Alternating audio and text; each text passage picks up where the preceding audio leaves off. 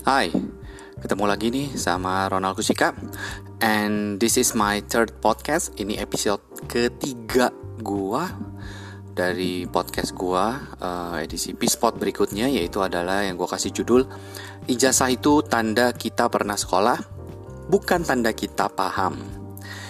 Nah ini buat yang uh, refleksnya ngegibah atau nyinyir Dengar dulu sampai beres ya Tahan dulu dirinya oke okay? uh, Judulnya sengaja dibikin begitu Karena memang ini hasil dari uh, perenungan gue Udah lama which is Bahwa uh, Kualitas Uh, mengenai kualitas sumber daya manusia kita ya di Indonesia. Maybe ini bisa kita sebut apa ya benang kusut dalam pembentukan kualitas sumber daya manusia kita. At least di Indonesia. Setidaknya di Indonesia ini udah terjadi dari generasi ke generasi entah uh, teman-teman uh, nyadar atau enggak ya. Tapi selama ini kan kita udah kayak kejebak gitu bahwa dan nggak nyadar lagi kejebak di putaran industri ini uh, tapi terus dilakuin loh dari generasi ke generasi. Uh, gue nggak nyalahin pihak mana pun dan nggak perlu juga nyalah-nyalahan salah-salahan juga nyalah-nyalahin siapa pun. Ya udah kejadian juga anyway udah ke, udah udah kayak begini juga ya yang namanya udah jadi industri ya semua orang cenderung just go with the flow aja ngikutin aja flownya tanpa ada lagi ada yang analisa kritisnya betul nggak? Nanya lagi esensinya ada atau enggak nggak ada kan yang peduli ini tuh ya. Nah tapi itu hebatnya sebuah power sebuah industri besar sih ya. Begitu udah jadi industri besar ya nggak ada orang yang nanya lagi nih. Udah nggak ada yang mempertanyakan uh, ngikut aja ironisnya saat ini kan sebenarnya kita udah mulai sadar ya. Sebenarnya generasi kita udah generasi makin uh, pintar semakin uh, aware sama yang namanya eh jangan cuma pencitraan aja dong atau kalau enggak jangan sekedar image aja dong. Di saat kita udah sangat sadar bahwa isi itu lebih penting daripada sampul atau lebih tepatnya mungkin isi harusnya sama pentingnya sama sampulnya betul nggak? Tapi kan kita uh, selama ini nggak aware ya bahwa apa yang terjadi dengan uh, kualitas pendidikan kita atau dengan metode pendidikan kita yang ada uh, semua udah aware bahwa generasi kita sampai sekarang anak kita berikutnya pun dididiknya begitu ya. Yang pendidikan kita yang penting pokoknya cuman uh, naik kelas. Gak peduli tuh uh, naik pemahaman apa enggak yang penting kelasnya naik terus. Masalah pahamnya naik apa enggak ya nggak peduli. Nanti aja apalagi kalau menurut pengalaman gue ya dulu waktu gue masih kerja di salah satu preschool uh, itu kan yang gue perhatiin nih pola-pola parents kan paling senang adalah yang kompetisi akhirnya bukan anaknya tapi adalah parents parentsnya uh, nggak peduli kurikulum sekolah apa uh, tentang cari kekuatan anak, strength anak, tapi buat parents yang penting anak-anaknya bisa cepetan calistung, bisa cepet-cepet baca, bisa cepet-cepet nulis, bisa cepet-cepet ngitung.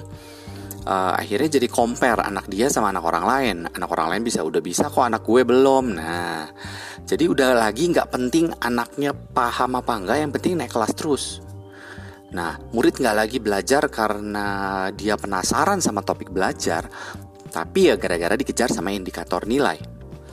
Murid nggak cuma lagi uh, nggak nggak diajarin buat berani turun lapangan, punya street smart tuh, punya kemampuan street smart dalam kehidupannya.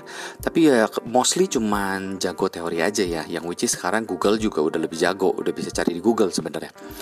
Murid sekarang kebanyakan kan cuma tinggal celangap aja buka mulut terima doang dari guru ya tanpa murid berani diskusi ide sama gurunya. Begitu juga dengan guru sih. Guru eh, apa ya? Cuman ngajarin aja tanpa pernah jadi praktisi. Karena gue juga eh, kekuatan gue di guru ya panggilan gua uh, untuk ngajar. Senangnya ngajar. Passionnya salah satunya ngajar. Senang banget kalau ngajar. Jadi gua ngerasa bahwa gini loh ini gua nggak mendiskreditkan guru mana pun. Gua ngeliat dari kehidupan gua aja. Gua belajar bahwa sebenarnya uh, sometimes bukan salah muridnya juga untuk menerima tapi juga ada part guru yang eh, nggak uh, bisa nerjemahin hal susah jadi simpel mungkin that's why dulu gue jadi sebel juga sama pelajaran namanya matematika, fisika, kimia. Maybe bukan salah pelajaran ya kalau sekarang gue aware ya. Mungkin bukan salah uh, pelajarannya yang susah atau menyebalkan, tapi uh, ada part juga gurunya itu nggak bisa nerjemahin hal yang susah jadi simpel, betul nggak? Itu kan sebenarnya tugas mulia seorang guru ya. Bagaimana dia bisa menerjemahkan hal yang susah jadi simpel.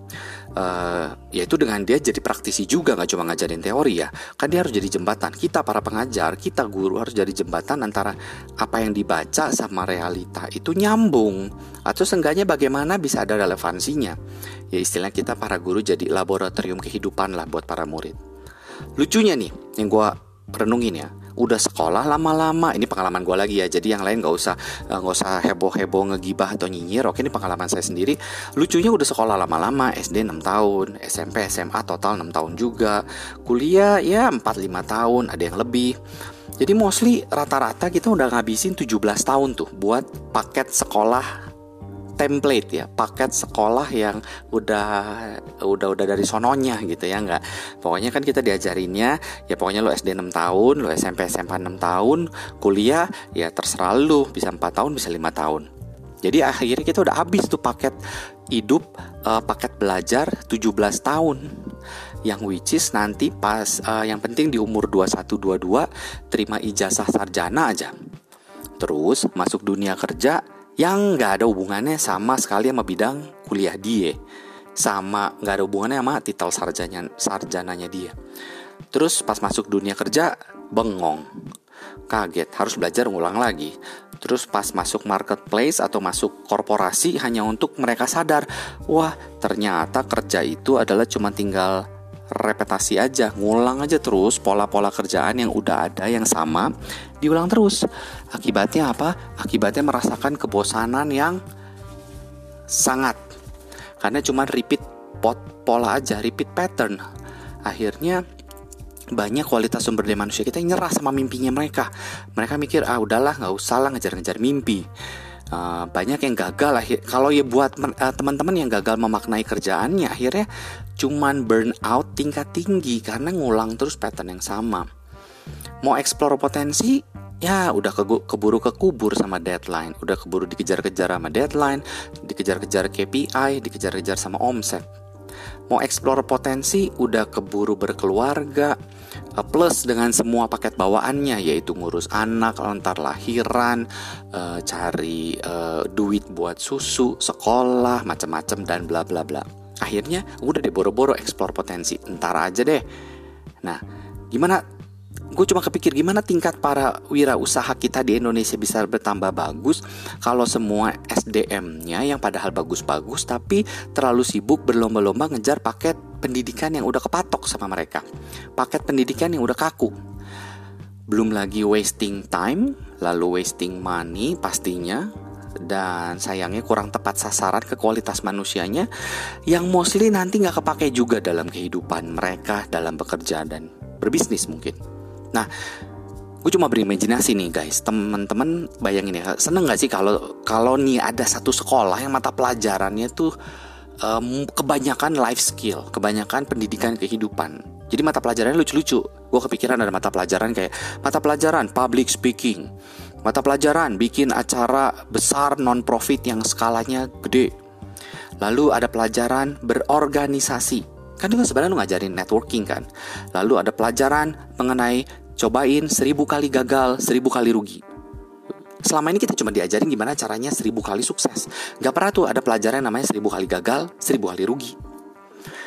Supaya nanti ketika mereka lulus, mereka udah siap banget buat jadi praktisi dan bukan jadi akademisi doang ya il ada juga sih bisa aja yang alasan ngomong gini ya itu ilmu kan semua nanti mereka dapat nal di dunia kerja biar mereka rasain aja dulu ya kalau gitu alasannya gue cuma bilang gini ngapain kalau gitu sekolah lama-lama ya bro? Ngapain sekolah mahal-mahal? Zaman sekarang gini kalau cuma pengen punya pengetahuan ada Google kok. Yang kita butuhan butuhin sekarang ini kita butuhkan kan gak cuma orang dengan pengetahuan ya tapi orang dengan pemahaman.